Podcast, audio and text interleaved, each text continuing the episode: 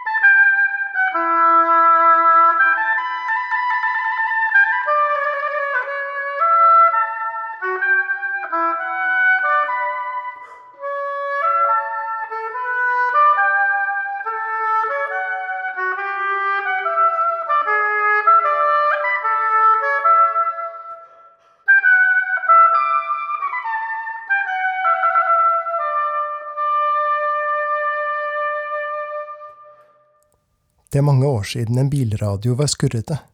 Her ville den ha vært det. De runder en sving i gangfart, og radioen kommer plutselig på igjen etter en time uten dekning. En prosesjon av dyre biler rykker frem i langsomt tempo. Alle er utålmodige, men ingen forhaster seg. Radioen melder om en prosesjon av støvete biler, med menn med våpen som har rykket raskt frem i langsomt tempo, i randsonen av bevisstheten til de som skulle følge med men som i dette øyeblikket inntar Kabul, uten å forhaste seg. Amerikanere og europeere bruker militærmakt for å holde flyplassen stengt for alle andre som også vil flykte. Solidariteten settes på vent, men det er ingen som holder pusten. Alle vet hva som kommer. De som ikke orker tanken på det, klamrer seg til håpet i form av en kald flykropp. Når landingshjulene trekkes inn, knuses en av dem i hjulbrønnen, mens de andre innser at luken de holdt fast i, lukkes rundt restene av kameraten, og overlater dem til seg selv i den tørre vinden som trekker over forstedene, i den store sandkassen ingen stormakt forlater uten å ha tatt merke av den. En vindrosse hales gjennom kupeen som en kald klut og bytter ut den stillestående luften. Den strågule augustsolen blir stående og steke på biltakene. Tusen stjerner blender fra rekken av blank metallic som strekker seg langt forbi neste sving. En ferge kommer til syne på fjorden. Det er en time til neste avgang, neste langsomme fremrykning. Stemmen i radioen påstår at det er nettopp denne kanalen som har den beste sommermusikken, men det synes som om det er den eneste. Begge de kommersielle kanalene sender de samme sangene flere ganger om dagen, snevrer musikkhistorien inn til de siste fire tiårene og feirer sin egen mangel på originalitet. Foran dem står en helt ny SUV, en mørkeblå Audi med E-skilter. En hårete hånd henger ut av vinduet på førersiden. Små askeflak virvler i vinden og blir borte, mens sigaretten krymper gradvis og vokser rykkvis. Foten hviler på bremsepedalen, selv om det vil bli stående lenge på samme sted. I bakvinduet går oppakningen til taket. Bakdøren på høyre side går opp og smeller i autovernet. Det rykker i sigaretten. En jente på syv–åtte år hopper ut til ukvemsord og smeller den hardt igjen etter seg, før hun krysser veien uten å se seg for og blir borte bak en busk, som så mange før henne denne dagen. Faren slipper bremsepedalen og kommer seg ut på den grå asfalten med slitt midtlinje, stiv etter ventetiden bak rattet. Han slikker på pekefingeren og gnir den over lakken mens leppene beveger seg.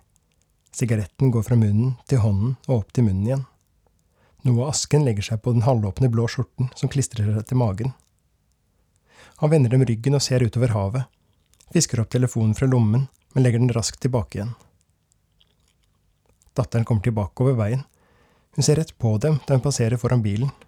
Moren holder en flaske med håndsprit ut gjennom vinduet, mens faren sier noe til vinden over fjorden. Hvor tror du de er fra? Afghanistan eller Pakistan, sier han fra førersetet. De snakker pashto. Hun snur seg mot ham. Men jeg hører ikke om de er fra Pakistan eller Afghanistan.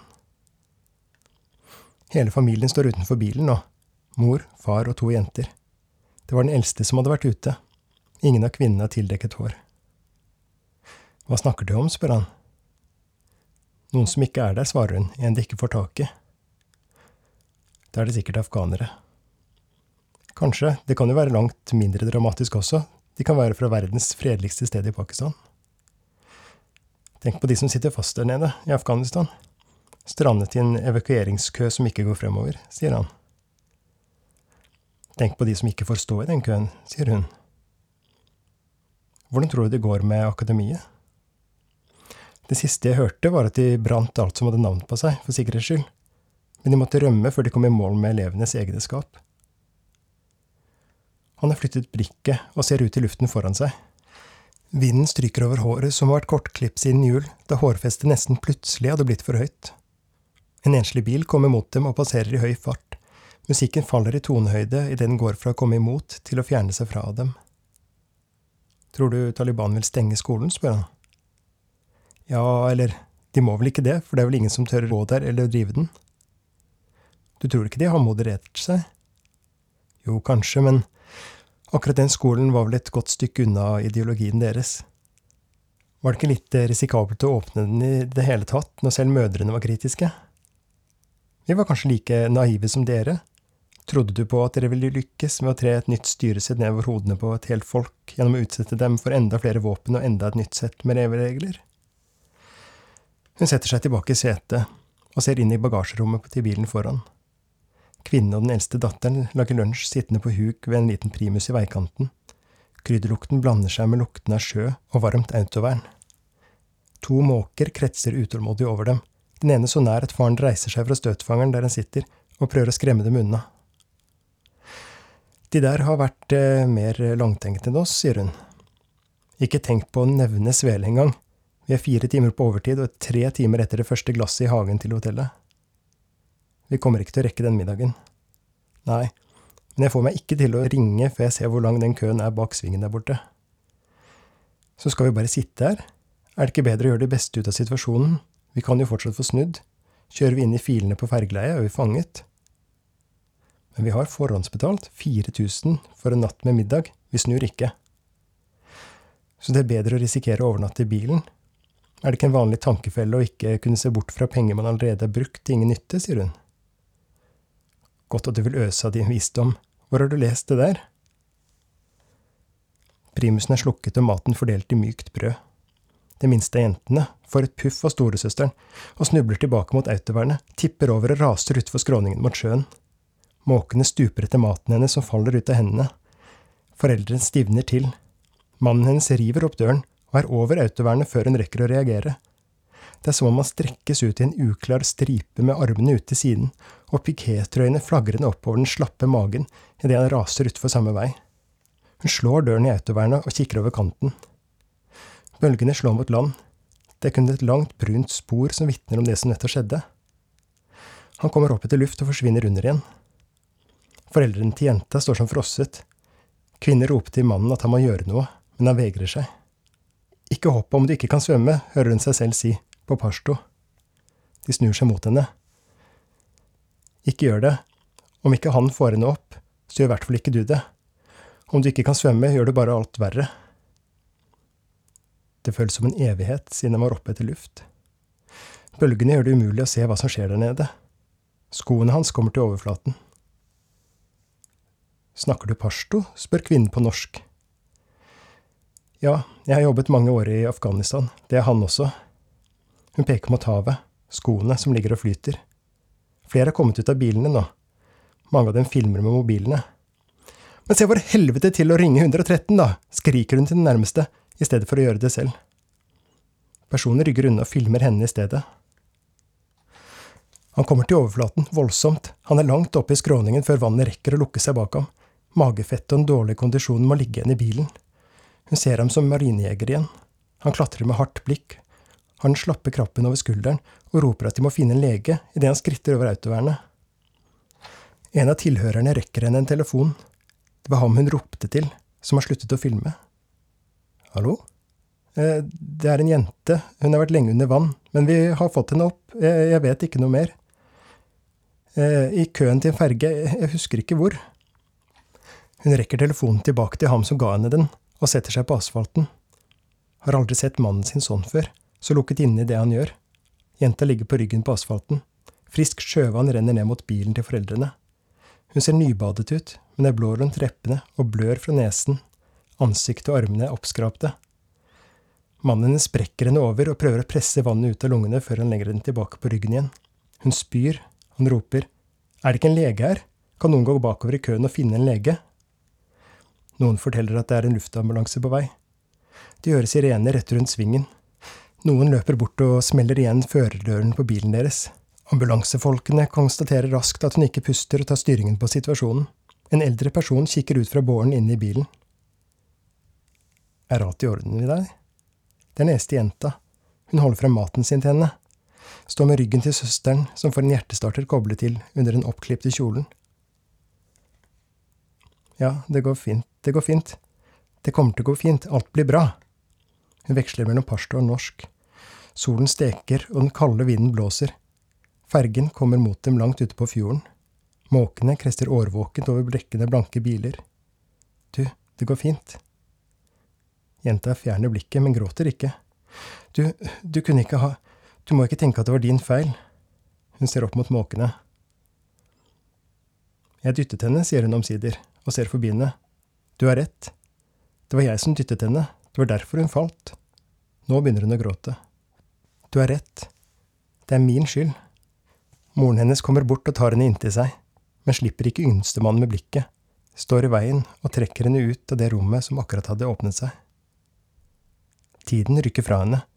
De sitter begge to på autovernet nå, han er dryppende våt.